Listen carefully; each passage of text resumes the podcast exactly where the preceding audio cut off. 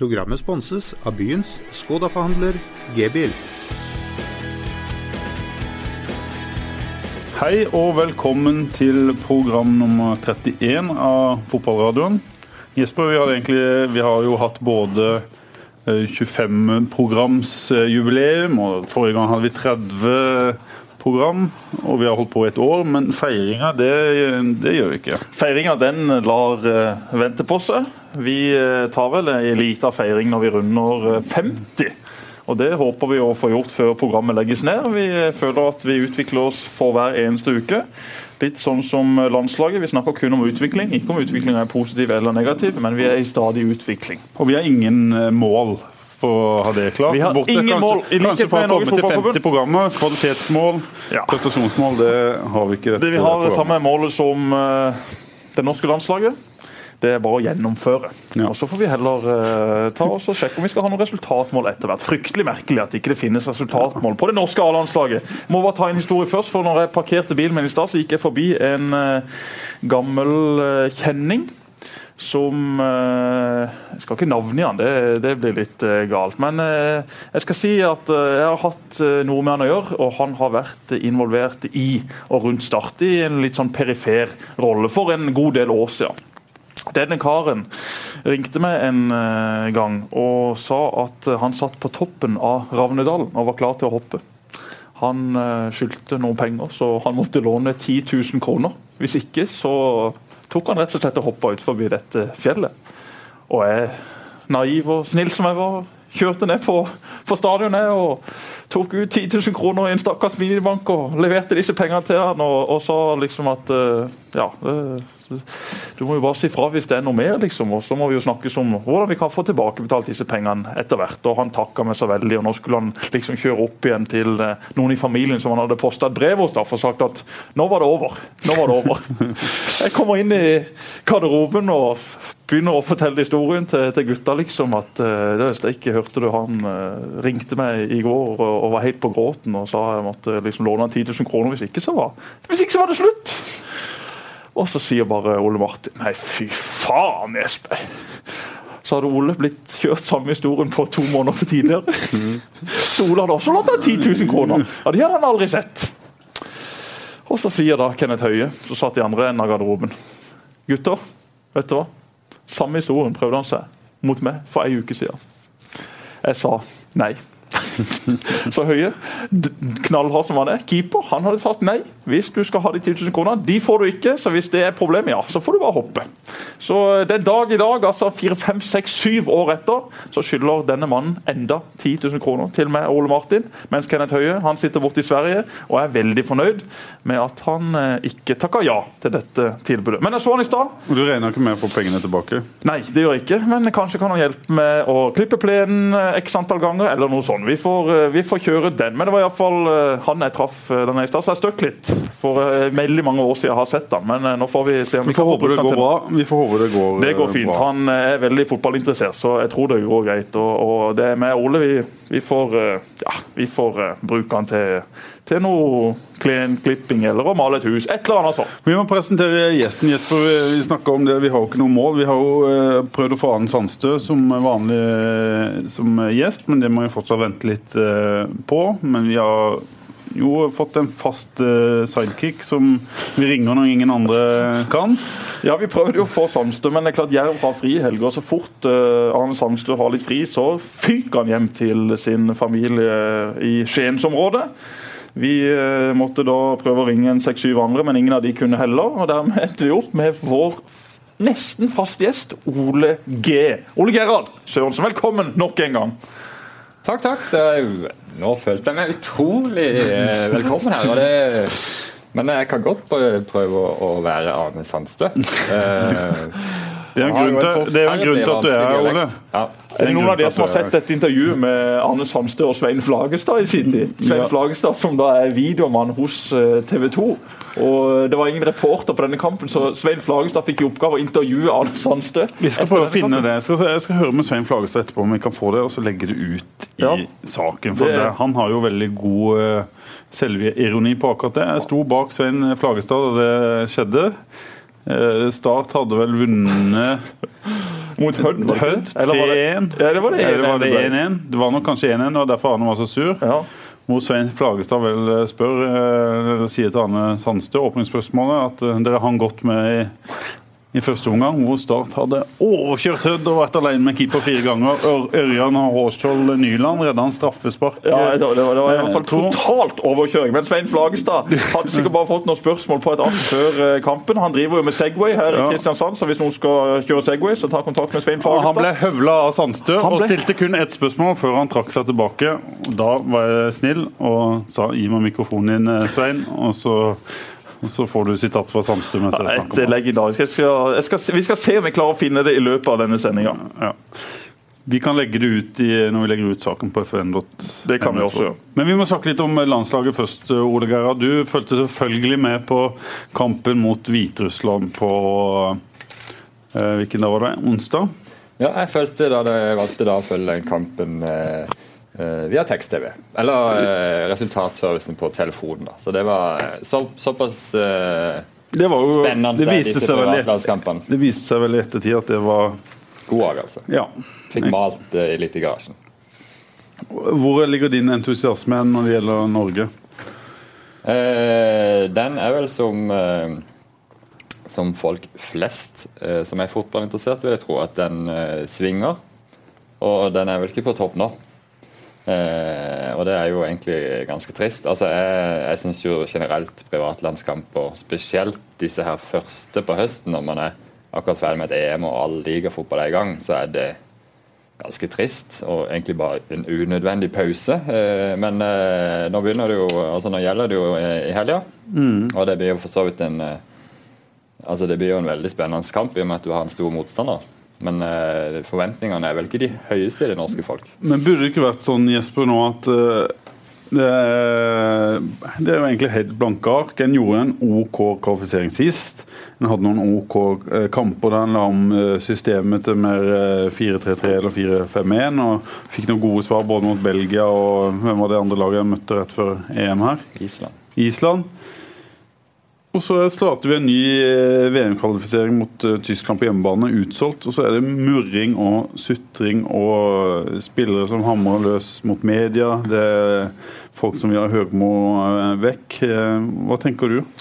Jeg tenker at eh, den EM-kvaliken eh, som Norge hadde, var for så vidt godkjent. Eh, samtidig så blir det jo til syvende og sist strykkarakter når man feiler så fatalt i kamper mot Ungarn. Nå gjorde Ungarn det bra i EM og overraska veldig mange der, men det er klart at Ungarn er et lag som Norge hadde alle muligheter til å slå. Men først og fremst pga. veldig merkelige valg med tanke på laguttak og taktiske disposisjoner underveis i kampen, så klarte ikke Norge det. Og da blir det liksom det som blir to streker under svaret, at man ikke kom seg til EM. Man hadde alle muligheter. Man har eh, mye gode fotballspillere i Norge nå som presterer bra i klubber rundt forbi, som har tatt veldig mange steg. Men det funker ikke på et landslag. Og Når Høgmo da skal være landslagssjef, så er det viktigste han gjør, det er å få samla en tropp. Få satt opp det riktige laget, få satt den riktige kampplanen. Det er ikke sånn at i et landslag at man er samla så veldig mange døgn gjennom et år. og Da er det ekstremt vanskelig og det å innarbeide en helt ny spillestil, en veldig ambisiøs spillestil, slik som Høgmo gjorde da han skulle ta over dette landslaget. Så skulle plutselig Norge spille en helt annen fotball. For fem, seks, syv, ti år siden 20 år siden så var Norge kjent for å være ekstremt gode til å forsvare seg. Alt er godt organisert, og så tok man de overgangene og de sjansene som kom. Man spilte på lagets styrker. Nå syns jeg vi prøver å spille en fotball, nå syns jeg vi prøver å sette opp lag som ikke passer det spillemateriellet som Norge faktisk har. Vi må tilbake til, til røttene. Vi må innse at Norge har ikke så altfor gode fotballspillere å velge i sammenlignet med andre. Da må vi i alle fall gjøre ting mye enklere og mye mer klart enn det vi holder på med nå. for det jeg synes vi er milevis unna. Denne kampen mot Hviterussland også er jo rett og slett bare trist. 7000 tilskuere på Ullevål. Eh, og som du sa, underveis i EM-kvaliken så var det fullsatt Ullevål. Nå er det fullsatt mot Tyskland på søndag, men det er jo først og fremst pga. Tyskland. Det er jo ikke pga. Norge. Skulle Norge spilt den mot en uinteressant motstander, så hadde det ikke kommet masse folk da heller. Men nå kommer altså verdens kanskje beste landslag på besøk, og da trekker selvfølgelig det. Men uh, Tror du Høgmo er avhengig av et resultat mot Tyskland for å overleve seg lenger? Jeg tror han er avhengig av en, eh, Altså, jeg tror Høgmo får fortsette uansett. Om vi taper 5-0 for Tyskland, så kommer ikke Norges Fotballforbund til å gjøre noe. For når ikke de gjorde noe etter denne fadesen mot Ungarn, så kommer de ikke til å gjøre noe nå heller. Nå har Men du har, du har vært klar på at uh, du mener han skulle vært uh, bytta ut etter Ungarn-kampen? Ja, det mener jeg absolutt. Jeg kan ikke forstå at hvis ikke det som skjedde eh, hjemmekampen og i bortekampen skal være nok til å bytte en, en landslagssjef, så skjønner jeg liksom ikke hva kriteriene er. For uh, spillerne også klødde seg i huet hva var det som skjedde nå med tanke på laguttak, med tanke til inngang til kampen. Jeg har snakka med, med, flere av de, og det er mange som som syns det var mye merkelig som, mm. som, skjedde. Men så er det da Norges Fotballforbund som om de har en stolthet i og med at Høgmo kom inn på den måten han kom inn og Drillo ut, at dette var en kanskje litt skitten måte. At de har såpass med stolthet at de ikke skal fjerne Høgmo enda. Høgmo er en eh, NFF-mann. Han har et svært team med seg. Det er klart at De som fikk inn Høgmo, de er borte. Yngve Hallén og Kjetil Siem de er borte, men det sitter nok enda noen igjen i korridoren som, som føler litt på dette, at de skal stå for dette prosjektet. Men, da, må prosjekt si, da, må du si, hva Norge burde ha gjort, og da. ikke bare si at Høgmo ville, altså, ville fjerne han. Hvor vil du gått den? Altså, altså, som landslagssjef så er, så er det, det viktigste du gjør, er å legge en kampplan, ta ut rett tropp osv. Eh, Jeg vet hvilket land som kommer. Ja, det vet du sikkert. Han, han er i Vålerenga, Kjetil Rekdal. Kjetil Rekdal, ja. Han syns jeg hadde vært et veldig spennende navn. Jeg trodde men... du kom med Tom Nordli. Nei, jeg kommer ikke med Tom Nordli, men Tom Nordli kunne godt uh, komme opp med også, men det tror jeg ikke skjer. Uh, men at Kjetil Rekdal kunne vært en bra mann, det tror jeg absolutt. Ståle Solbakken, selvfølgelig skulle Norge hatt han. Er han et naturlig førstevalg, eh, Ole Gerhard? Det er i hvert fall det Rekdal. første navnet Nei, jeg tenker jo Solbakken. Ja. er det første navnet jeg tenker, hvis vi skal gå for en nordmann. At det på en måte vil være, hvis Høgmo forsvinner nå, at han må en eh, gå for med all, eh, all eh, kraft. Ja, altså det har de jo allerede gjort en gang. Og han har jo, etter å ha møtt veggen to ganger ute, virkelig imponert gjennom København. Så at han er førstevalg, det vil jeg absolutt tro. Om han har lyst, så vil jeg absolutt ikke tro. For jeg tror han har det kjempegreit i København nå, sånn som det går. Mm. Så det er klart at hvis du tenker norske kandidater, så er det jo ikke så vanvittig mange.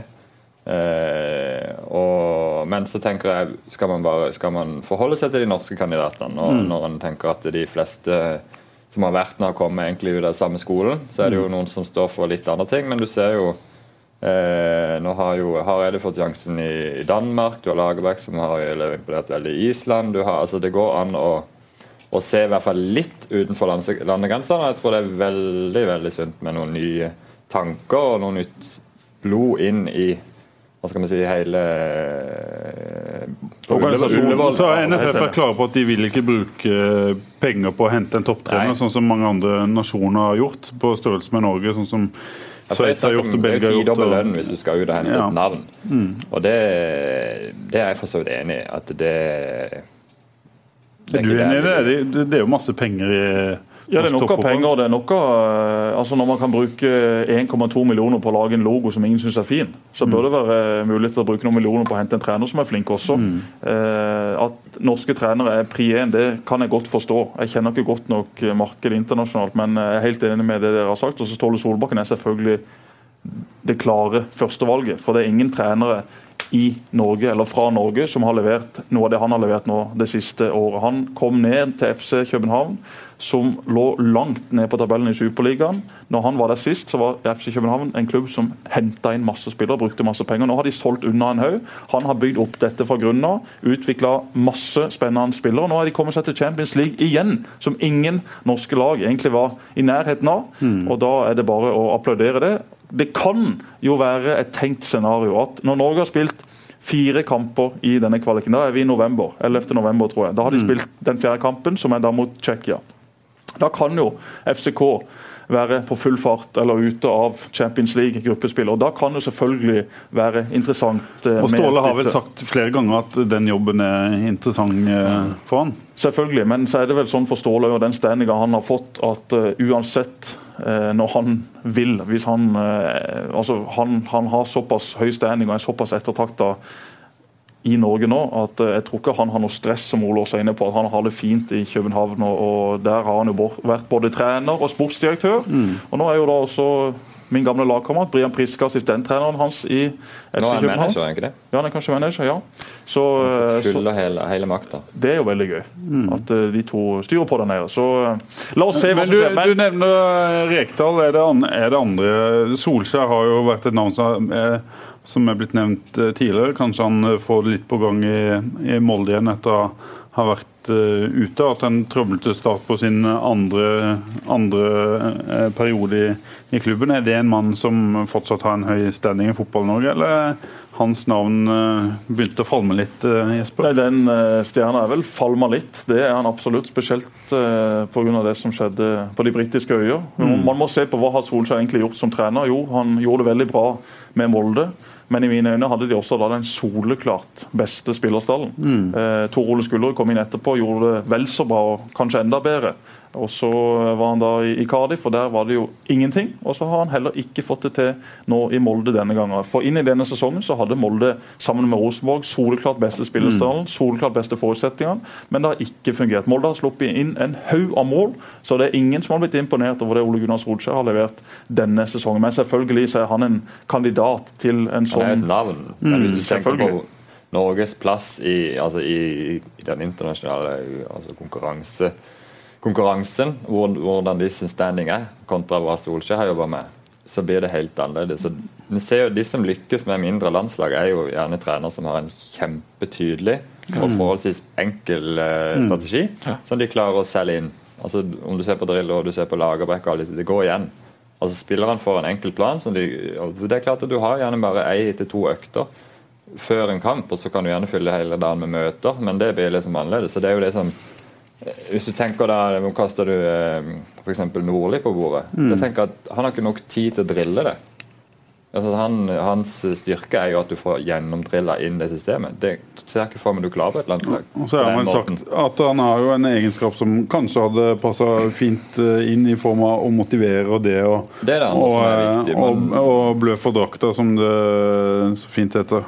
der er jo Høgmo er jo veldig Nå vet jeg ikke hvordan han er i garderoben, men sånn utad er han jo Han er jo ikke noe sånn veldig fyrverkeri som holder på å skape veldig entusiasme. Men han ser jo, eh, for meg så virker han jo eh, som en kar som er livredd for å trykke feil i møte med sine omgivelser. Nå vet jo ikke jeg heller hvordan han er i spillergarderoben, jeg vil tro at han er ganske annerledes. og, kjenner mer, eh, litt personlig. ja, Ole har jo møtt Høgmo. Eh, la oss ta den med en gang. Altså, jeg har jo ikke så veldig gode minner med mitt eh, møte med Høgbo som trener, eh, men eh, det var jo sånn i det herrens år 2002, eh, hvor det skjedde mye spennende for min del, og for Start sin del, så det så hadde vi spilt en kamp, jeg spilte en ganske god kamp mot Lyn, husker jeg. Spilte uavgjort. Plukka med å sette elleve 11 poeng. Og så fikk jeg en telefon på søndag kveld etter kampen. Det, var det må ha vært min tredje eller fjerde kamp i Tippeligaen. Eh, og fra ikke Høgmo, da, en eller annen fra forbundet, om at jeg skulle være med i U21-landslaget til Polen morgenen etter. Så det var sånn der eh, og da var Høgmo U21 Da var han U21-landslagstrener. Han eh, var trener, så var vel Halvard Thoresen også med. Så da var det, det var Assa Karadas som hadde blitt skada eh, på senkampen der på søndag, og så ble jeg kasta inn. Så var det meg og, og Doffen og Lars Martin Engdahl og Marius Johnsen som var med fra start. Så det var en hel, hel kontingent, og det var for så vidt eh, betryggende det for en første reis. Og så Jeg bodde jo på hybel for meg sjøl og, og pakka og kasta meg ut på Kjevik. og vi skulle møte da resten av troppen som kom fra Gardermoen i, i København, på flyplassen der. Så der satt vi der, og så satt, vi hadde vel et par timer å vente, så satt vi rundt et bord der og venta. Så jeg jo litt sånn, jeg skulle ha kontroll, så jeg sjekka jo passet med og sånn. Og så hadde jeg bladd litt i passet, og så, og så så jeg å det var jo gått ut. Det var jo eh, gått ut for sånn to måneder siden. ikke sant? Det hadde jo ikke jeg brukt siden sydenturen forrige vinter. eller jeg, jeg var jo, eh, hadde ikke vært med til La Manga det året og litt sånne ting. og hadde en stille og rolig sommer på Sørlandet. Så da fikk jeg jo litt hetta, for det første jeg da måtte si til Per Mathias når jeg traff ham, var jo Hei, jeg heter Ola, jeg har ikke pass. Eh, Så jeg kom meg ikke videre til Polen. Så det var, det var, det var egentlig helt sånn som det var. Det, jeg, Men kom dere til København?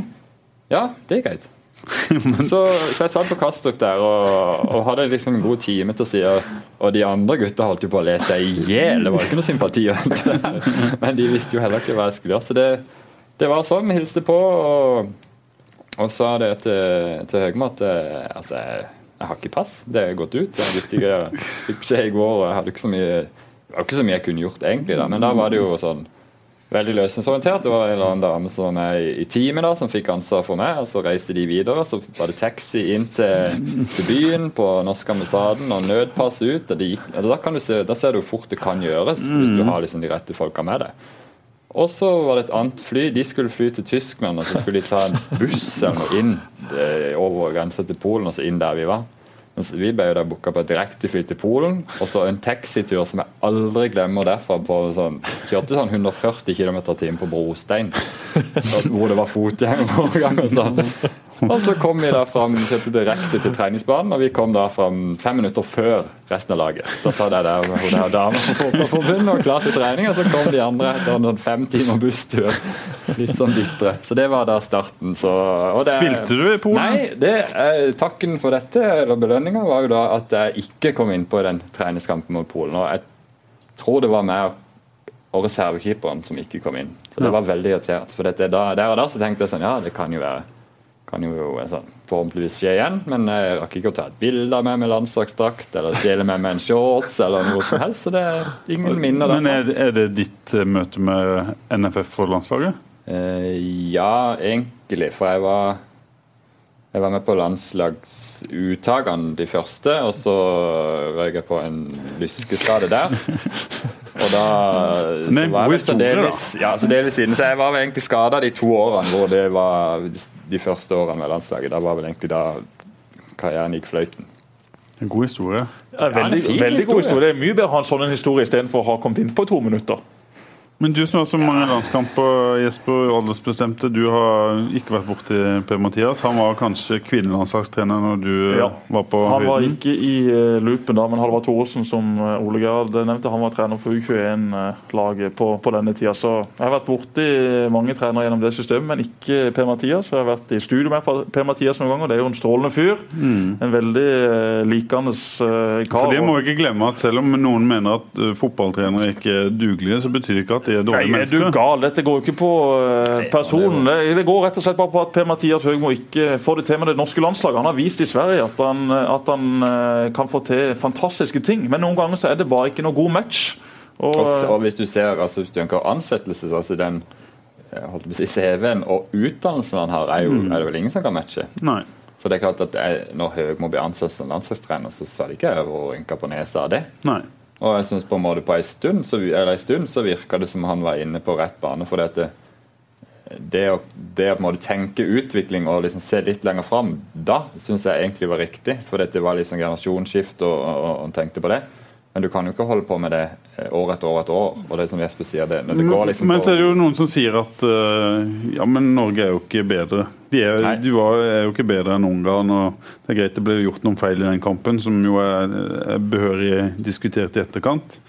Men at, uh, at vi må Jeg tror at, det, altså, at sånn rent sportslig så syns jeg egentlig ikke at det at den kan være så altså Det er ikke kris, altså den kan, hva skal man si, Kritikken og den generelle negative holdninga inn mot landslaget og fotballforbundet er ikke først og fremst grunnet i det sportslige.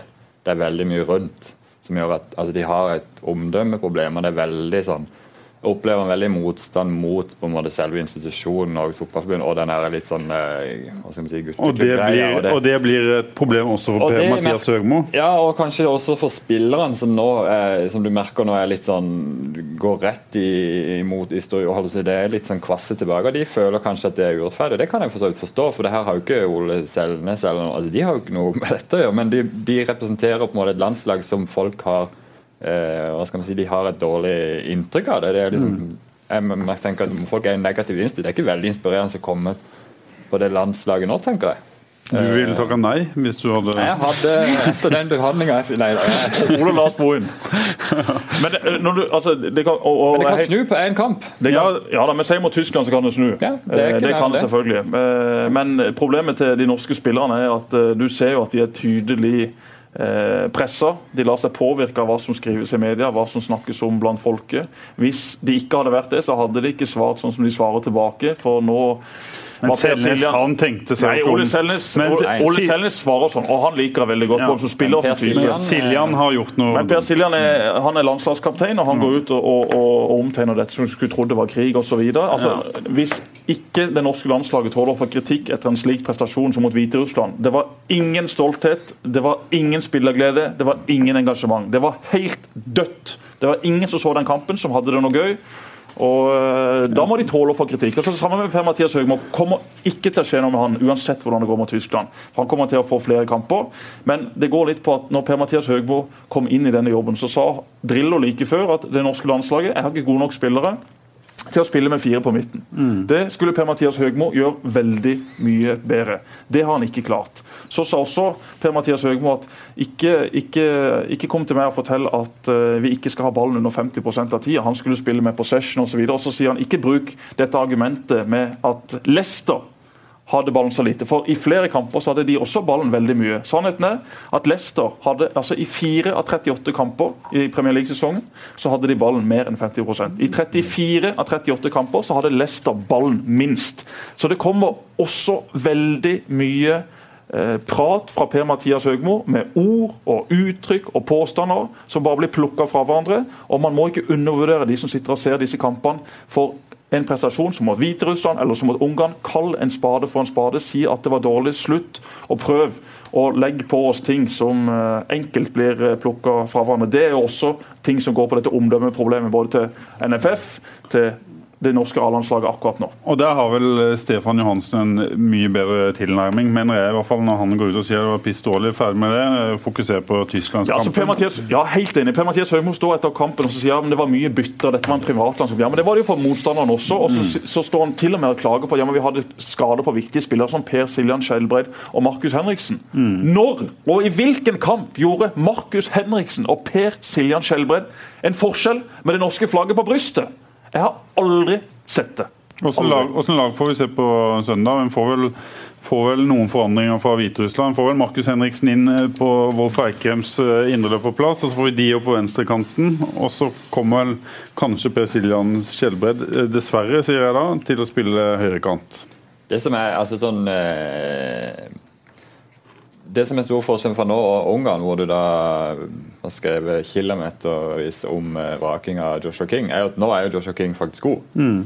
Og, har jo, og, Norge har jo ikke hatt en god spiss siden Jon Carew ga seg. Og Norge, sånn som de fleste tenker at de må og bør spille for å komme seg videre, trenger en sånn spiss som mm. kan skape litt ting ja, på egen mens, han, mens, og det mente jeg også Rett før Ungarn-kampen, selv om han ikke ble med i troppen, ja. så skulle han selvfølgelig vært med. Han var svak i en bortekamp mot Italia. Vi kan ikke ta den opp, Nesper. Nei, men, men, han skulle selvfølgelig vært med. For Joshua King er den eneste norske spissen, kanskje nå sammen med Dio, som kan gjøre ting på egen hånd. Som har fart, som har kraft nok til å skape ting mot ethvert forsvar. Jeg kan ikke forstå at de kan være i den troppen! Hadde han vært med, ja, så kunne vi faktisk vært i Frankrike, vi også, i sommer. Men nå har vi jo en spillertype som gjør at du kan lage hvis du hvis du klarer å lage en god struktur og, og være solid lag, så har du en spiller du kan, at du kan skape noe der. Og det, det må de utnytte. Så må du erkjenne at vi har kanskje ikke gode nok vinger til å kunne, til kunne liksom klare å spille Eh, den må man si, fine offensive fotballen, eller altså den ballbesittende fotballen som eh, Men Du snakka litt om, om Markus Henriksen i stad. Eh, de gode kampene han gjorde før sommeren, det var privatlandskamper. Så var det jo et eller annet med Selnes, ja. Jonas Svensson, Markus Henriksen og Pål André Helland, som nå er skada, som så ut til å funke. Det var noen relasjoner der langs høyresida og frispilling i, i mellomrom med Markus Henriksen som, som funka. Kan, kan det gå også mot uh, Tyskland, eller? det, altså det å møte Tyskland, det, det, blir eh, det blir jo ekstremt vanskelig. Samtidig så er det sånn at om Tyskland får med seg ett poeng fra Ullevål, ja, så er det helt fint for dem. De kommer til å vinne det. De, ja, altså de kommer til å vinne denne gruppa uansett. Så, så, jeg tror fort at det kan bli en eh, tett og jevn kamp, og at man faktisk kan få med seg poeng mot, uh, mot Tyskland. For uh, som jeg sier, Tyskland de har sett på denne gruppa. De ser ikke på Norge som sin eh, største motstander. De, de er mye mer redd for, eh, for Tsjekkia.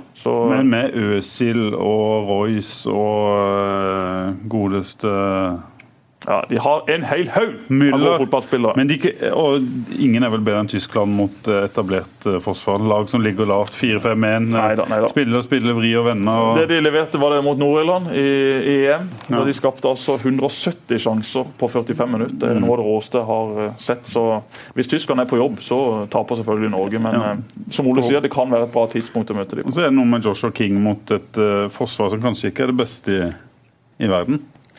Nei, åssen er det med Boateng nå? Han er vel eh, Han, i, han har- er veldig, veldig forskjellig på. Tyskland. Ja. Ja, men eh, ja da, vi, vi får nå se hvordan det går mot Tyskland. Men eh, det blir, det blir Vi interessant. heie. Vi får finne fram, fram Ja, eh, Nå kan ikke stå og sparkle og male på søndag. Nå skal du se Nei, Norge-Tyskland. da, da, er, da er jeg på jobb. Det er bra. Ole forresten fått seg et veldig flott hus ute på Dverksnes, er ikke det? Jo da. Jo da, jo da. Ega tredemølle har han også, så når han ser på fotballkamp, og så løper ofte Ole, Ole Geir, det får du, får du fiksa to igjen. Det er perfekt. Vi setter en strek over landslaget. Ja, heia Norge, sier vi bare. Heia Norge, det må vi jo selvfølgelig, Selvfølgelig. si.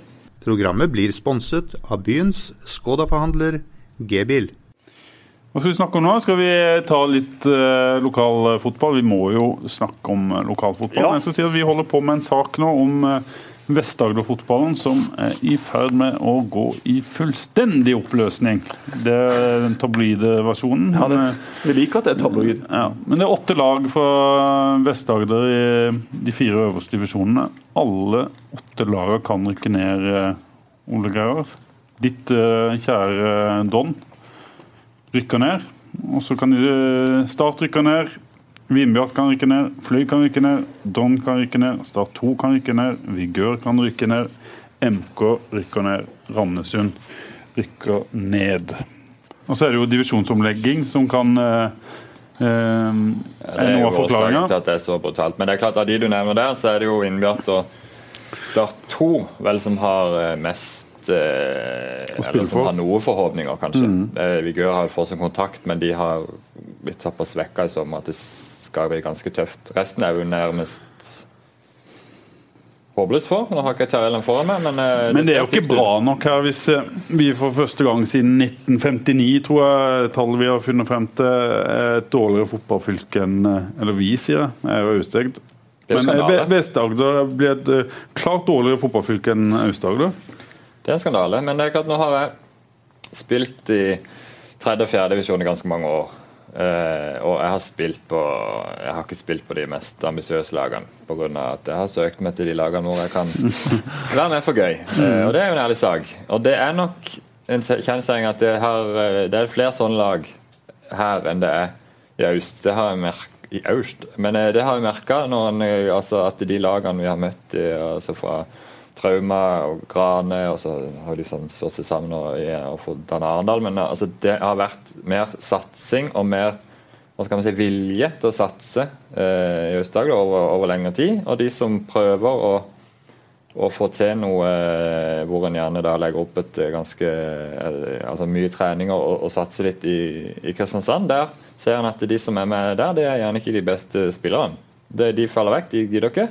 Og så har du unggutter. Det skjer i Don, det har skjedd i Våg, i Randesund. altså det, det er nesten juniorlag som ender opp med å være der, og ikke de eh, For dette er de som vil være med og trene fire ganger i uka. Så det, om det er noe som Hva som gjør det? At det er så få som eh, som rett og slett gidder. Eh, det vet jeg ikke, men jeg tror det rett og slett bare ligger i det. Og så er det jo eh, eh, Ja. Men det verste er kanskje på eh, toppnivå, da. Hvis vi, Ja. hvis vi får da, Hvis start, start i, i førstedivisjon på nivå to, og så risikerer vi å ikke ha noen lag på nivå tre neste år.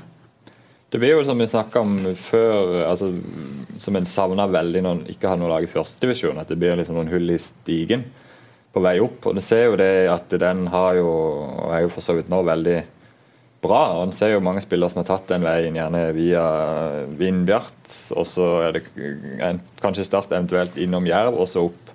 Og Det er jo veldig veldig viktig. At det ikke er sånn at du skal gå fra liksom fra Don, og så er det ok, er du ikke god for Start, så, så må du liksom reise vekk. eller. Altså det, Du har en sånn naturlig stige. og det er klart at Hvis du da har for det første får Start men så har du liksom neste lag som da kan bli Fløy på nivå tre Vindbjart.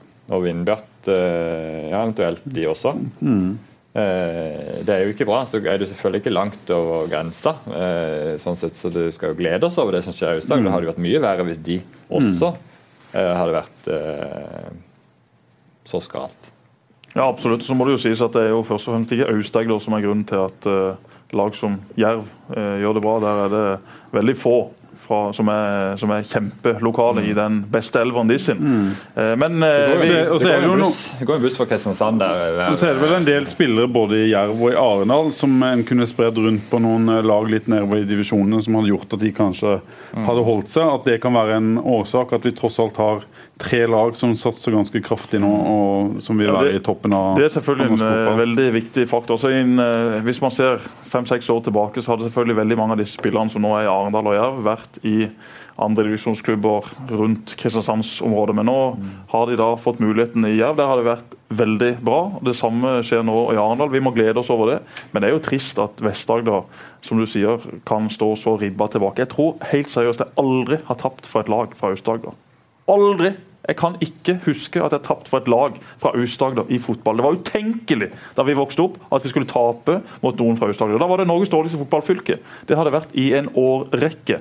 Finnmark har vært dårligere, det skal sies, men de har vært eh, helt i bånn, ja. Ja, de har vært helt i bånn. Men uh, nå er det bedring, og det er gledelig. Men uh, Men det handler jo dette handler om at Sørlandet sammen må jo uh, Og så handler det litt om penger. Many of us have those stubborn pounds that seem impossible to lose, no matter how good we eat or how hard we work out. My solution is PlushCare. PlushCare is a leading telehealth provider with doctors who are there for you day and night to partner with you in your weight loss journey. They can prescribe FDA-approved weight loss medications like Wagovi and Zepbound for those who qualify. Plus, they accept most insurance plans. To get started, visit plushcare.com slash weight loss. That's plushcare.com slash weight loss. Selvfølgelig handler det om penger. Og det kan men, du se sånn samfunnet. Altså, du ser det at f.eks. for eksempel eh, når Don var oppe i andre divisjon nå, litt sånn, kom litt brått på, rykker opp, har ikke mulighet til å tilby noe penger og sånn, så er det jo Altså, du, eh, du stiller så langt bak i køen. For, det, For da møter du lag med fem-ti millioner ja, det er klart budsjett. at eh, du, du kan si eh, Spillere får jo kritikk for å velge det ene laget overfor det andre. ikke sant? Velge, ta pengene altså, I lokalfotball så tenker jeg at hvis du er en student og så driver du og spiller i andre divisjon, så kan du velge om du vil spille for det lokale laget ditt, som du er med, eller så kan du reise et stykke og så får du 10 000 i måneden. og så slipper du å jobbe. Så, så kan du ha det som jobb med siden av studiene, og så kan du fokusere på fotballen. Altså, det er jo jeg skulle gjerne ønske at de bare hadde valgt liksom, eh, klubbemblem og litt sånn, men selvfølgelig gjør man jo det. Man har jo mye bedre mulighet til å lykkes. Man, får, man slipper liksom å gjerne stå på Harvis eh, som bartender i helga for å få, det, for å få, eh, for økonomien Kan heller stå i baren. Ja, altså Henrik Ropstad ble jo, han ble jo hetsa fra herfra til ja, til å si. Eh, når han gikk til Jerv. eh, kan jo si, og Så har du disse Jerv-gutta som, som gikk til Arendal. det er klart De hadde betalt i Jerv òg, men er er du 89 år, så får du liksom mye mye mer penger for å spille fotball. Hvor mye får de? Hvor mye får Søren Fredrik Støye og Avni Pepa i, i Arendal? Jeg har ikke kontroll på 15 000? 20 000? Enda Nei, mer? de får mer enn det. Eh, De får mer enn det. det.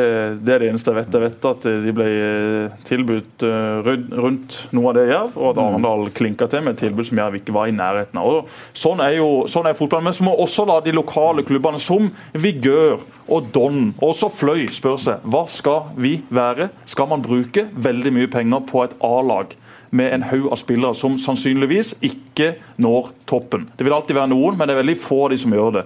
Og så Gimletroll, som er min klubb der jeg bor på, på Gimlekollen, som f.eks. har da et damelag i, i andredivisjon. andre divisjon. Mm, de gjør det bra, det må vi De gjør det bra, men det er klart at hvis man da får eventuelt rykker opp til førstedivisjon, så koster det enormt med penger med tanke på reising. Så skal de ha de og de og de utstyr. Altså, det vil dra på seg. Samme som når Don rykker opp, som Ole sa. Ikke forberedt på det. Don er en veldig nøktern klubb. De eh, holdt kostnadene på minimale, men da deiser man bare rett ned igjen. Og så får man resultatet i år, at man deiser ned enda en divisjon. Fordi at spillerne de er bare borte. Og eh, Det finnes mange klubber som rykker opp uten å egentlig være klar for det. uten Men det egentlig høres ut som det er vanskelig å finne en løsning her. Da. Du sier Jeg jo at, at, eh, at, at en gjerne skulle hatt mer penger for å løfte fotballen. Ja, da, snakker jeg på en måte det, det her altså når det kom på andredivisjonsnivå. Men det er veldig mange av de etter forrige serieomlegging hvor du fikk en tredjedivisjon som innebar nesten like mye reising og for mange også en trening som i andredivisjon, men at skillet har på en måte vært at det er i andredivisjon det begynner å komme penger inn i bildet. Det er klart at på, eh, sånn som, som, som samfunnet er, så hvis du skal bruke eh, hver helg til kamper og hver kveld til trening, og så får du, eh, får du ikke noe igjen for det, enten på en måte ja, altså sosial og alt det, så er det klart at det er jo begrensa hvor lenge folk gjør det. Når folk rundt seg Det, det koster mye tid. Det, det, har, dette noe å si for hvordan det står til med Start? At en, en uh, har det, det sånn? Vil jeg kanskje ikke tro. Uh, men det jeg tenker at det, Men Hvilken rolle, hvilken rolle har Starta, som har jo vært flinke til å utvikle spillere til de andre klubbene? Det er jo et poeng som Start ofte trekker frem, men som, som andre trenere i de klubbene ikke legger stor vekt på. Men det er jo en kjensgjerning at veldig mange av de som, som eh, enten er i Vindbjart eller har spilt i Don i andredivisjon eller, eh, eller i Vigør når de var høyere oppe, de har vært innom eh, Start. Starts viktigste rolle er jo på en måte å være altså de som måtte Og som jeg for så vidt opplever at de nå er bedre på, at de faktisk uh, følger med på de andre klubbene, plukker og sånn sett kan videreutvikle. og Forhåpentligvis da kan, uh, at de kan drepe inntekter lenger nedover for at disse klubbene skal kunne drives bra. Men sånn for lokalklubber, hvis en går ned på tredje-fjerde nivå, så tenker jeg at det største utfordringa og det viktigste er å på en måte skape et godt miljø. og et engasjement i klubben som gjør at man har lyst til å være med. For det er jo det, er jo det folk altså Der er det, handler det ikke om penger likevel, men hvis, det, hvis, du går rundt og ser på veldig mange kamper, så er det igjen eh, nesten ingen folk som ser på. Det er veldig forskjell hvis du kommer litt ut av byen og litt ut på bygda, eller sånn, så er det et mm. helt annet engasjement. Mm. Og, og, det er klart det gjør jo noe, det. Du får en helt annen tilhørighet til det. Mange klubber er liksom bytter trener hvert år, bytter halve stallen hvert år.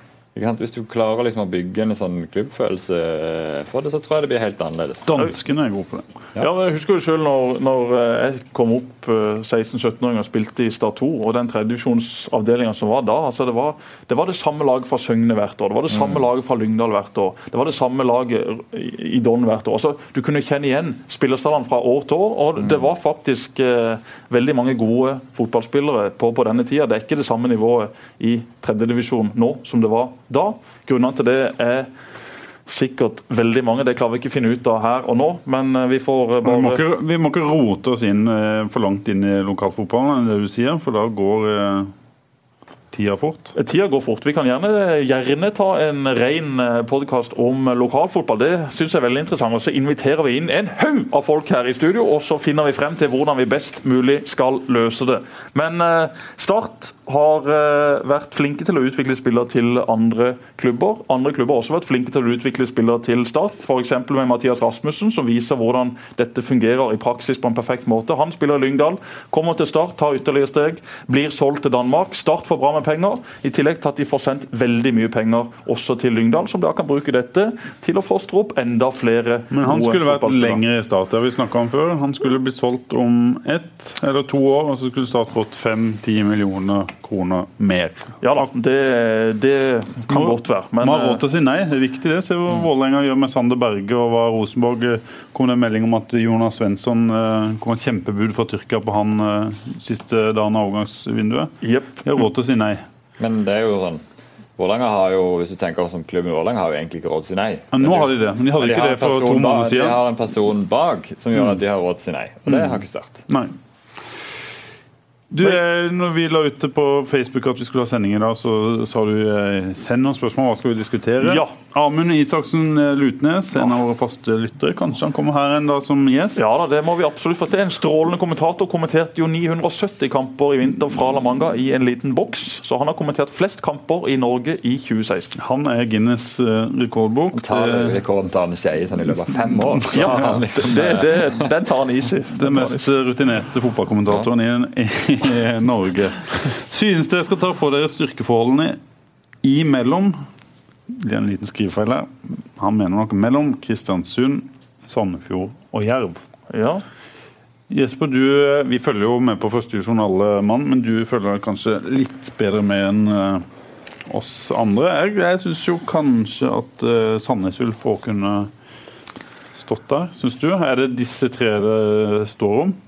Sannsynligvis er det jo disse tre. Men Sandnes Ulf har vist eh, strålende form. De har eh, våkna. Jeg så jo på Sandnes Ulf kanskje som den aller største favoritten til å rykke opp, for de gjorde veldig mange gode signeringer. Men så har ikke Bengt Seternes fått det til å fungere. Nå må de jo i tillegg eh, spille denne omkampen mot Kristiansund, sannsynligvis. Det ble vel anka, vet ikke om det kom noen avgjørelse på det, ikke som jeg har fått med meg. Men jeg tror Sandnes Ulf kan blande seg inn, for det kan komme opprykksnerver både hos Kristiansund, Sandefjord Men da må de kanskje vinne i Kristiansund igjen da, for å Det må melde seg på. De. Men eh, la oss utelukke Sandnes Ulf, da. Snakke om de tre andre. Så har jo jeg sagt at jeg tror Jerv rykker opp. Det tror jeg fortsatt. Eh, De tapte i Fredrikstad. De var misfornøyde med sin prestasjon der, men de hadde vel fortjent mer enn det de fikk. For eh, de barberte jo både stolper og tverrliggere. Jeg syns egentlig de leverte en En OK kamp, ja. Og Fredrikstad borte er ikke noe lett motstander. Men så har jo Sandefjord våkna igjen etter at de så veldig svake ut her for noen uker siden. Nå fikk de med seg ett poeng borte mot Åsane. Og så er det da hjemme mot Ullkisa før det blir Jerv mot Sandefjord. Det er, de to, det er vel de to som er nøkkelkamper for, for Jervs vedkommende. Så er det jo, de skal jo spille hjemme mot eh, både Kristiansund og Sandefjord. Det er en fantastisk situasjon å være i. Ja, den eh, kampen der. Det blir jo noen 18.9. fantastiske- 15.30. Det blir jo et eventyr av en kamp. altså Hvis Jerv vinner den, da er de jo på full fart mot uh, Tippeligaen. Men taper de den, ja, så er de på full fart mot en eh, ny kvalik til Tippeligaen. Så det blir en sinnssyk kamp i Grimstad. Den eh, største kampen som er spilt i Grimstad siden i fjor, mot Start. Det Kan blir spennende å se hvordan, hvis det da Jerv går opp om, om eh, på en måte Kristiansandere vil, eh, vil reise til Grimstad for å se fotball på samme måte som gjerne folk der fra Grimstad sikkert i alle år har reist til I Det er sant, ØF det kan til Arendal, når det gjelder håndball, så mener jo der at det er en del kristiansandere på men det er, tribunen. At det skjer, det er helt topp. Ja. Er Kjempestemning. Men det, kan, det er på jo noe håndball. av kristiansandere også Jerv som en på en måte kan knytte sånn, gjør at en kan knytte litt sånn ekstra. Så det Kommer aldri til å skje. At du At Kristiansand valfarter til Grimstad for å se Tippeliga-fotball. Det kan jeg aldri se for meg at kommer klarer å til å fylle en liten buss med Ja, det kan være en minibuss. Det kan Hvis. Jerv begynner å sette opp buss over Kristiansand Ja, ja, ja. til Grimstad for å, for å se Jerv, da Hvis, topp, hvis, Toppland, hvis Toppland kommer med busslåt til Kristiansand for å hente Kristiansand til kamp i Grimstad, da skal jeg personlig stoppe Men bussen. hvis de bussen. an spillerne fra Kristiansand tar med seg tre-fire stykker hver, så fyller de opp eh, Selvfølgelig gjør de det. Men tror du at det kan bli der at uh, startspillere vil vurdere Jerv om de går opp, eller er det spillere eventuelt som ikke får spille her?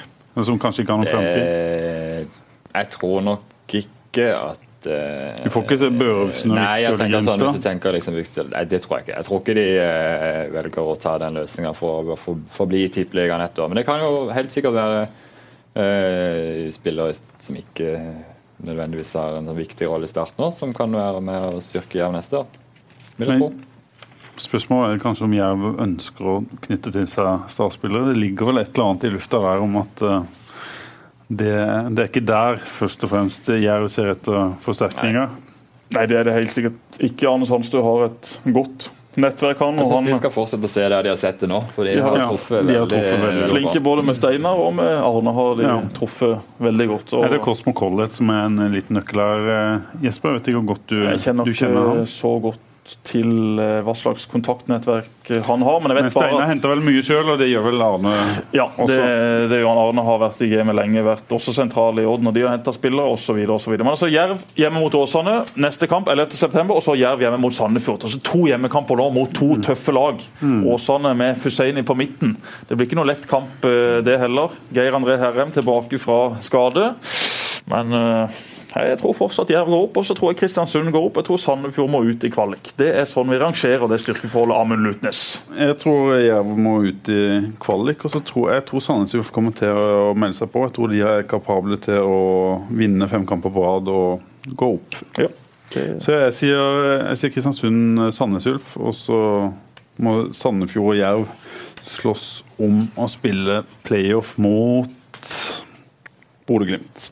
Ja, jeg tror Ålesund går ned, sammen Det tror jeg. med vårt kjære Start. Men betyr det også at du tror at Starts første seier kommer eh, om en uke? Ja, det tror jeg. Jeg tror Start eh, slår Ålesund. Ålesund har vært fryktelig svake.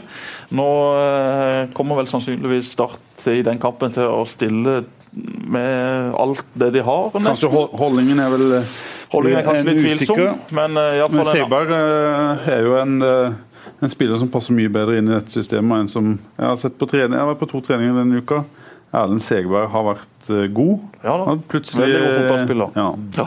Men så er det Dennis Antvi eh, sannsynligvis da klar igjen etter sin eh, hodesmell. og ja. Dulee Johnson Dooley Johnson er sannsynligvis klar. Vi hadde jo Starternes mester i går da, på, på stadion, eh, som var vår utgave av Mesternes mester.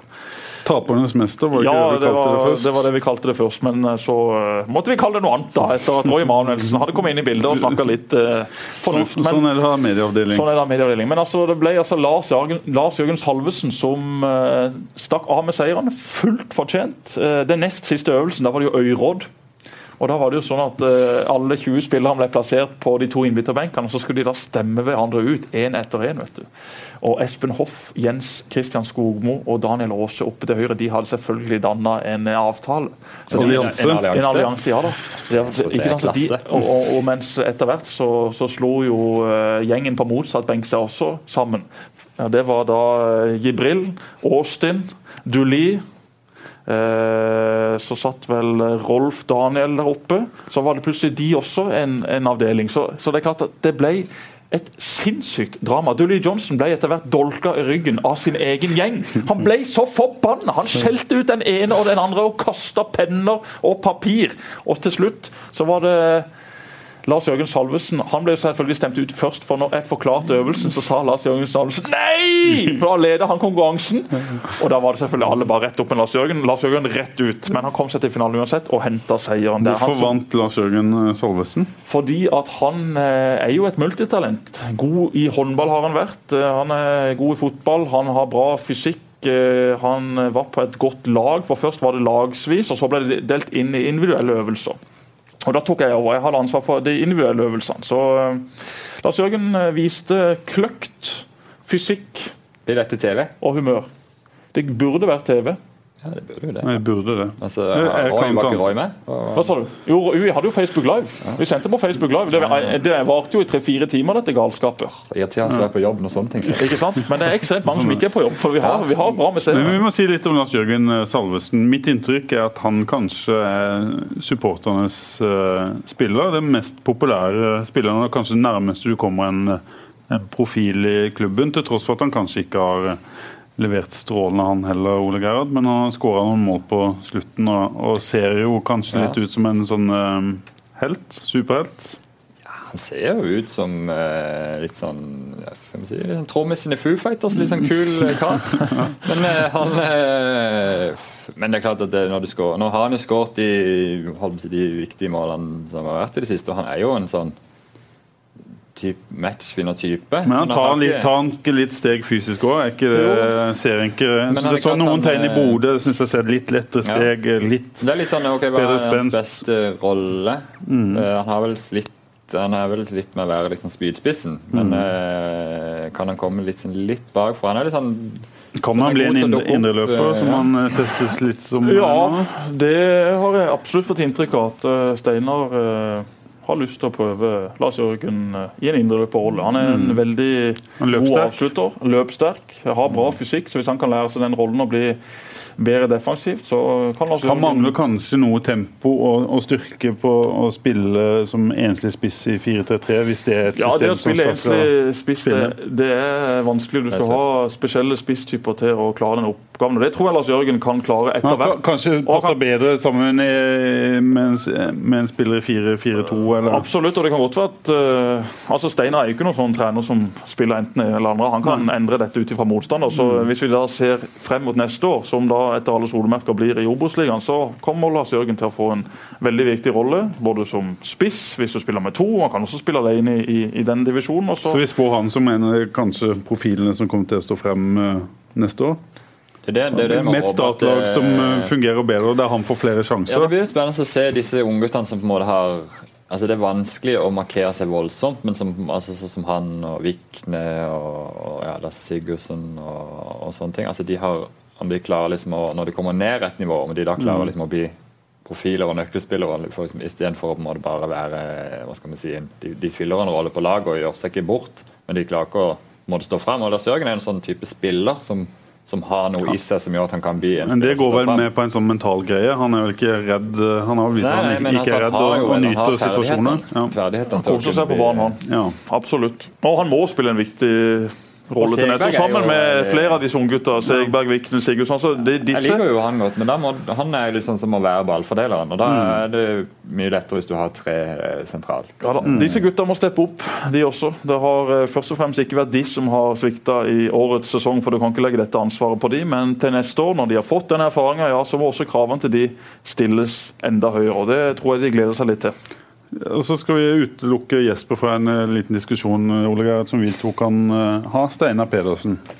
Mange som jo mener at han kanskje ikke er riktig mann allikevel. At en har, en har bomma. Hva tenker du om det? Hvor lang tid skal han få før, eh, før en eventuelt må se på hans jobb? Jeg tror at Altså, det det er jo Man vil jo alltid skrike på en trener så når man rykker ned. Men når man ser utviklinga de siste årene, når man ser Altså Den som hadde overlevd med det startlaget der i år, det er jo litt stygt sagt, da, men den hadde jo vært årets trener Tippeligaen, tenker jeg. Og eh, det som, Men det du må gjøre altså hvis du skal tenker Han har ikke vunnet en eneste kamp. Nei, altså det er jo helt gru... Altså det er jo ikke til å stikke under stol. Altså det er jo en grusom eh, sesong. eh, og Også for, for, resultatmessig. hans, for hans del. Men hvis du da ser det oppi det at det, hvis, du, hvis jeg hadde vurdert en trener, så hadde, må du jo se litt bak resultatene. Eh, og det som en da ser, er jo at, eh, at prestasjonene har på en måte ikke vært fallende. tenker Kan vi være enige om at de eh, ser bedre ut nå enn de gjorde i fjor høst? Ja, de ser i hvert fall ikke dårligere ut, med tanke på at de er jo svekka, tenker jeg, i forhold til i fjor høst også. Eh, I hvert fall ikke forsterka.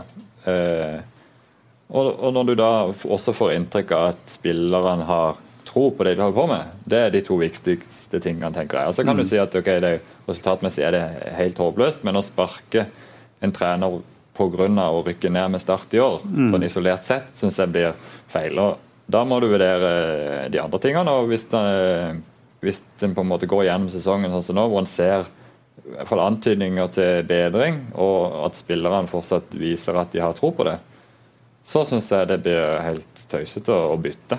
Men er det, det er vel farlig å, hvis supportere, sponsorer, eh, medier begynner å røre på seg til noe- ja, jeg har ikke inntrykk av at det er folks flest eh, altså Hvis du er på supporterforum og på nett, og sånt, så blir folk høvla ned Ja. over en lav sko uansett. Særlig en time, timen etter kamp. Ja, og det, og det også Om det hadde vært Jose Merinho som hadde vært manager, Mm. så hadde han vært helt ubrukelig. Mm. Det, det er liksom sånn det er. Jeg, eh, jeg har eh, i på diskusjoner med folk som i, i fotballmiljøet, folk generelt som følger med fotball, så er det ikke Steinar Pedersen som er, blir pekt på som problem i Start. Han har selvfølgelig gjort eh, ting feil og enkelte ting i løpet av året han òg, i forhold til laguttak og inngang til kamp og sånne ting, men sånn generelt så tror jeg folk tenker at eh, eh, at det er rett og slett bare eh, ikke et godt nok lag bare nå. Og, Men skal han begynne, tenker du at han skal begynne å måles fra først i første 2017, og, eller fra sesongstart kanskje, da, når en begynner å spille viktige Ja. kamper neste år i, i første divisjon? Altså, da han skal man måles? skal jo ikke, man skal jo ikke være som i håper fotballforbundet, at ikke han skal måles. Han skal jo måles. Altså, hvis Start rakner fullstendig nå, vi, så, så kan vi jo ta den diskusjonen. De har i rakna. Ja, men jeg tenker sånn eh, du, altså, Du må se bak resultatene på det, for nå er på en måte sesongen ferdig. De har fortsatt rykka ned, og alt sånt, men det er ikke det er ikke noe uro. Det virker ikke som det er noe spesiell misnøye. Det virker som spilleren på en måte eh, legger ned en innsats. Og det virker som om eh, eh, Det virker som man på en måte trengte kanskje sommervindu også på en måte få gjort de utskiftingene og få inn litt andre typer. sånn at jeg tenker at eh, fra, altså, Man dømmer han jo hele veien, men klart at hvis ikke man ser en betydelig bedring i altså at, man, at Start skal være topplag og kjempe om opprykk neste år, det sier seg sjøl. Med mindre noe veldig dramatisk skulle skje i Det skulle jo Brann å gjøre. Rikard Nordling trodde jo alle var en frelser i Brann og var en kjempesignering, og alle trodde på han, men det gikk ikke. Eh, Kan en risikere, Jesper, på generelt grunn- grunnlag at, eh, at en får en sånn en eh, stor nedtur i og at en på en måte må gjøre noe? Du kan alltids risikere det, men uh, i mine øyne, da, som er litt inhabil, så er Steinar Pedersen uh, startsvar på Lars Arne Nilsen. Han uh, jobber veldig mye på samme måte. Han er nøktern, han er nøye, han er proff. Han eh, vet hva han vil. Eh, så la oss eh, dømme Steinar eh, utover neste sesong. For eh, denne sesongen er det bare å sette en stor, svart strek over. Det er veldig mange grunner til det. St- Steinar hadde selvfølgelig også håpet at han hadde vunnet fotballkamper. Tenk så gøy det blir å vinne en fotballkamp! Det blir jo en helt sinnssyk stemning. Det blir som å vinne cupfinalen og Start er omsider vinner kamp. eh, det, tenker, det har jeg tenkt på noen ganger. Hvordan kommer startspillerne til å reagere nå når de vinner? Jeg, hadde jo hadde jeg vært i den gruppa sagt «Ei, vi må være avmålt. Vi har ikke vunnet på så og så lenge. Og stå og juble som gale. Du kan jo ikke ta en lang helg på Ibiza. Liksom. nei, nei. Men det er, det er, noe de må, er ikke det noe de må tenke på? Jo, selvfølgelig er det det. Du kan, du, du kan jo ikke juble som en tulling, for man Det ligger er litt sånn uansett- champagneflaske. Nei, nei, nei, Nei, men men man, den gleden er lov å være glad. Ja, ja. Altså, te, jeg, altså, jeg kommer jo ofte på, jeg kommer ofte opp på, på kontoret, da, ikke sant? Ja. Mandag Det er morgen. det er det etter, etter nok en kamp. Og der sitter da spillerne sitter i garderoben, og administrasjonen sitter oppe. Ja, ja. Da var det nok en sånn en mandag, liksom. Men så er det fire-fem timer, og så er det om å gjøre seg inn mot, eh, mot neste kamp. Simon Larsen, 37 mandager på rad. Strålende signering. Simon Larsen vært god for Vålerenga. Eh, Spilt nesten alt av kamper fordi han alltid er frisk. Han er Mm. god. Eh, Det blir en ekstremt viktig mann, og det kan fint være den mannen Start har savna i sitt eh, midtforsvar i årets sesong, i fjorårets sesong. og Det syns jeg var meget gledelig at eh, Simon endelig kommer hjem. Det er helt enig. Det er jo en, eh, en klassesignering for et lag som går ned eh, i første divisjon. Hadde det ikke vært for eh, at Simon var lokal, så hadde vel Start aldri, aldri fått en sånn type spiller. Nei, Simon vil eh, hjem eh, med sin eh, frue og med sitt eh, barn. Og, og dette, Skal ha et barn til. Ikke sant? Da er det bare å komme seg inn fra hovedstaden og ned til idylliske Start har jo en forhold at de liker der de gjør. Altså, Ja. Det er en plass folk vil bo. Eh, men klart med det som skjer i Vålerenga nå, og det som han på signalen Simon i sa i forhold til hvor ettertraktet han var, så var jeg overraska over at han valgte det. Så det, det har Start jobba Jeg har godt for. å hørt om han hadde tilbud også fra Brann. Men det, Ja, det, det, det er jo fordelen eh, Man kan godt snakke om at lag som Jerv og Arendal eh, kommer opp og tar opp konkurransen med Start, men fordelen til Start er at man har den kuleste fotballstadionet i Norge. Man ligger i den kuleste byen, man har det beste klimaet, man har alle slags mulige forutsetninger. Så Start vil være en attraktiv klubb for ikke bare spillere som Simon Larsen, men også for andre. har er en historie. Ja. Historie både god og dårlig. Ja, Men man har historie. Historie, det har han. Nei, vi, må- vi, vi hadde jo tenkt å snakke om deadline day og pengebruk i vi, Premier tar, League. vi kan ta fem eh, minutter. Det ble jo tidenes lengste sending, men vi har tid til det. Ingen har et pakkometer som Eh, eh, nei, jeg har jo denne her fantastiske Easy Park-appen, så den er det bare å fylle på med. vet Du Jeg jeg sykler, så det Du sykler, det er Men du bra. har skada frue, du har barn med Ja, jeg har eh, Trine som har røket eller strukket en sene under foten, så hun humper rundt på krykker der hjemme. Kan ikke gå, mens eh, Svein da har fått feber. 40 i feber, hatt en Onolaro. Har du noen tips, Ole? Er det, er det bare å ta det stille og rolig? For å sørge for å drukke litt og spise litt og se litt på Fantorangen og Ja, Fantorangen er vel egentlig løsninga Det er løsninga. Ja, men det er greit. Da Og væske. fortsetter. Fantorangen og væske. Det Ja, får masse væske. Ekstremt mye væske. Sånn der, sånn smoothier som du klemmer ut. Ja, Smoothier? er- er Ja, ja, er du gal. Ja, smoothier, ja. Ja, ja. Jeg går jo på Rema 1000 og kjøper eh, 10-20 smoothier i uka. jeg. Er en ener på å handle Ja, ja. smoothier. Og får, altså i hele sortimentet. Økologiske. Koster 14-15 kroner. Ja, det, Det er verdt det. Tre, til, tre, med, tre minutter om England eh, tar vi, Olga. Der er jo Ja, du en det var jo det eh, jeg fikk beskjed om å snakke om i dag, så jeg har jo da med meg bunkemark her.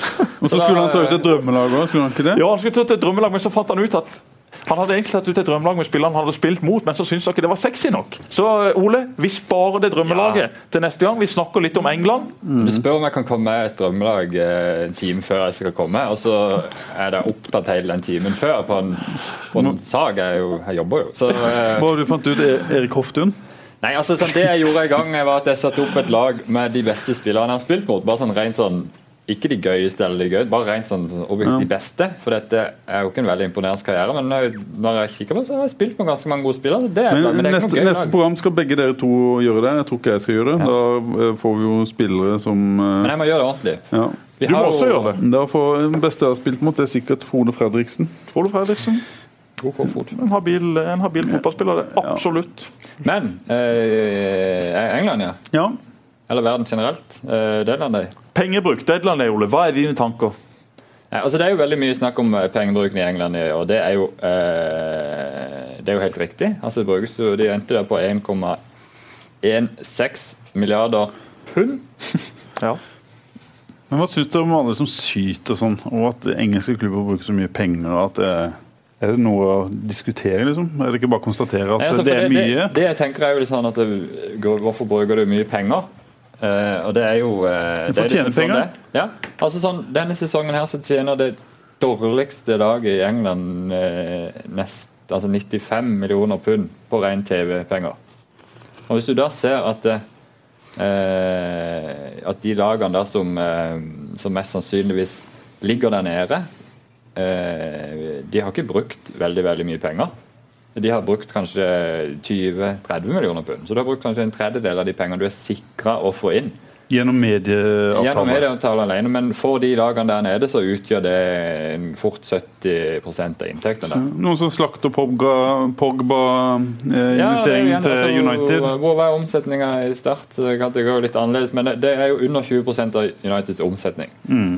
Eh, Så er Paul Pogba, i tillegg til å være en god fotballspiller, en av de aller mest attraktive han- en sånn markedsføringsmessig mest verdifulle Ja, Du kjøper ikke bare fotballspilleren Paul Pogba, du Nei, kjøper hele pakka. hele han har ei pakke som f.eks. Altså sånn han- Men det er ikke mye bedre å hylle engelsk fotball for, en forre ja. for forretningsideen, for å skape interesse, fulle Ja. stadioner. Det er jo derfor de kan hente disse spillerne, istedenfor å klage over at de bruker altfor mye penger, at det er synd. Og Det som er forskjellen mellom altså altså TV-pengene er jo forskjellene er så små, og det syns jeg bare er kjempeveldig positivt. Altså, du Ja, har det som er synd, er jo at Italia, Frankrike, Spania At ikke de Ja. ligaene klarer å konkurrere og ikke har Ja, bygd, Italia, er bygd det, opp Italia er det fire klubber i Ja, sommer som har handla en spiller for over 10 millioner euro, tror jeg. Men de har jo Men det er ofte, det, men det er ofte fra de landene, eller tilhører til de landene, eller tilhengere til de landene som kritiserer engelsk fotball. Jo, for det er jo ofte sånn at det er jo mye misunnelse da, når de engelske spillerne bare kan støvsuge resten av Europa resten av verden for de beste spillerne. Dette blir jo som at hvis jeg hadde hatt 300 millioner kroner på konto, ja,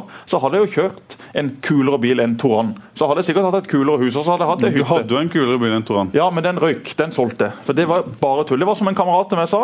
Hvis du skal kjøre rundt i sånn en fancy elbil, så blir det det som å sette smoking på en gris. Det er det samme som jeg sa til du kler ikke Tesla. Nei, jeg gjør jo ikke det. Jeg måtte jo bare få fjerne. Kjøpt en Torano helt topp fra 2006. Kjørt 170 000 km. Vi kaller han bare bussen. Han går som ei kule. Helt topp. Men hvis du ser, det, det som er litt interessant å se, man, det som man tenker er jo at de, de som bruker mest penger, er de som vinner. Alltid. Og det er klart det, Hvis man ser på Premier League nå, da, da synes jeg det er mest interessant å altså, se på ikke hvor mye de har brukt, men hvor mye de har altså, brukt sånn netto. Eh, og det er klart at Da er det jo fra toppen og ned City, United, Chelsea, Arsenal. Det er de som har brukt mest penger i sommer. Og det er jo det er vel et par som kanskje tenker at det er topp fire i år. Så sånn sett så, så henger det jo eh, godt med. Men eh, det er enorme summer som er i bildet. Men jeg ser det som er positivt, tenker jeg sånn for tysk fotball og spansk fotball, er at de har da nye TV-avtaler som trer i kraft nå for Spania og Tyskland neste år, hvor det er mye jevnere. Og hvor, hvor fordelinga er De ser til Premier League, vil jeg tippe. Og, og de klubbene, eh, jeg håper de mindre klubbene har kjempa for dette. Hvor de får en mye mye større del av kaka. Da blir det jo mye jevnere konkurranse. Så kan du godt tenke at Premier League er nå overlegen alle andre, i, men det er jo på en måte sånn økosystemet er. Men det er jo veldig kjedelig at du har Bayern, Juventus, så har du da de eh, Barcelona og Real Madrid, og så har du Paris. Altså Det er nesten gitt. De har en sånn posisjon hvor du den beste klubben hvert år kan hente altså Ikke Spania, men at du kan hente eh, den største profilen fra nummer to. Bare sånn som Rosenborg var før, nesten. Det er jo ikke noe gøy i lengda, det. Nei.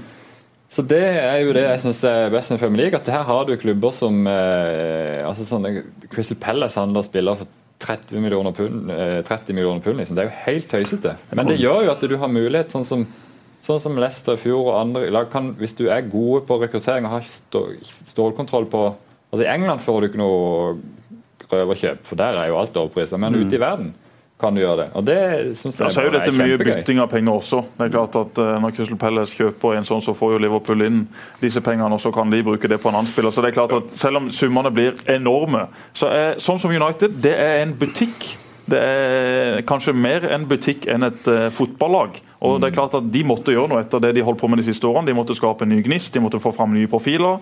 Nå gikk de inn i butikken og så kjøpte de alt det de ville fra øverste hyller, både ja. trener og spillere. Og det måtte United. De kommer til å få en helt annen sesong enn de har hatt. De kommer til å få en helt annen interesse. De kommer til å selge tonnevis med drakter og dra inn nye sponsorkontrakter og det ene og det andre. Det måtte de gjøre. Men problemet med England er vel at det blir overforbruk. Når en først har penger, så kjøper han mer enn det en trenger. Ja, Men det gjør de med oss tre også, gjør det ikke det? Jo, jo. Ja, det, er er, altså, du, det, er jo som å vinne i Lotto hvis du har en Premier League-klubb som er ute etter noen av spillerne dine. Mm. Og Det er jo altså både spanske, tyske, franske neder, altså Alle vet jo at uh, hvis, det, hvis det, det, er en pris for Premier League-klubber, så er det en mm. pris for andre. Og det, Sånn er det bare. Og det er jo klart at noen av de prisene er jo helt hinsides.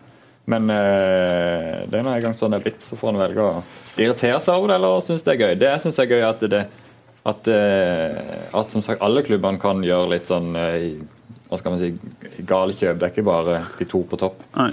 Vi avslutter med at det er jo litt gøy at nordmenn er på, litt på vei inn i Premier League. Vi har allerede fått to skåringer. Joshua King har skåra, Adama Diomanda har skåra, Markus Henriksen er klar.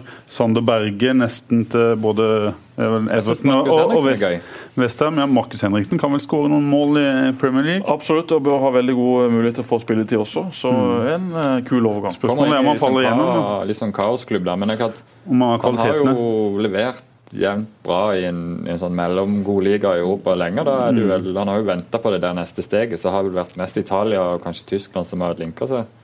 Hvem er neste nordmann i Premier League? Er det Sander Berge Jesper som som blir, ja, samtidig så, så, kan det jo være at Sander Berge syns at dette prosjektet med Ronny Deila, ny stadion, osv. er såpass interessant og spennende at han har lyst til å være med i Vålerenga også neste sesong. Mm. Hvor faktisk Vålerenga kan være en uh, kandidat til å vinne hele tippeligaen. Hvis Trøym og Deila og Rekdal bare bestemmer seg for det.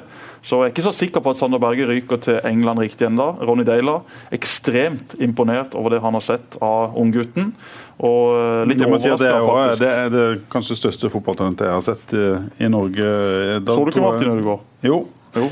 Uh, siden Martin Ødegaard, skal ja. si. da. Men uh, det er jo, det, du kan ikke sammenligne de to. Nei, to helt forskjellige Men Martin Ødegaard gjorde akkurat som han ville i Tippeligaen når ja. han var 15 år eller 16 år. eller hvor gammel han var. Og, men Sander Berge har en herlig kombo av defensive absolutt. ferdigheter og offensive ferdigheter som er sjelden var. Men, jeg, men jeg, jeg, jeg, tror fort han kan være interessert i å lære enda ja. mer under Ronny Deila. og Det virker som han er en veldig reflektert fyr, og da har ikke han noe hast med å komme seg bort til England for å sitte på benken. Kanskje kan også det være et steg sånn som Markus Henriksen tok at det er bedre å ta turen via Belgia, Nederland osv. Mm. For så gå videre til en av de aller største ligaene etter det.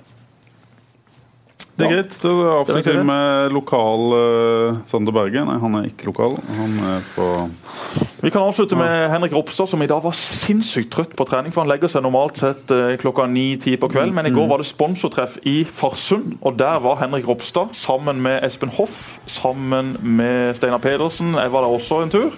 Uh, og da kom Henrik Ropstad altså ikke i seng før 02.00. Så Henrik Ropstad var blytung på dagens trening. Det er godt det er frihelg. Takk for oss. Programmet ble sponset av byens Skoda-forhandler G-Bill.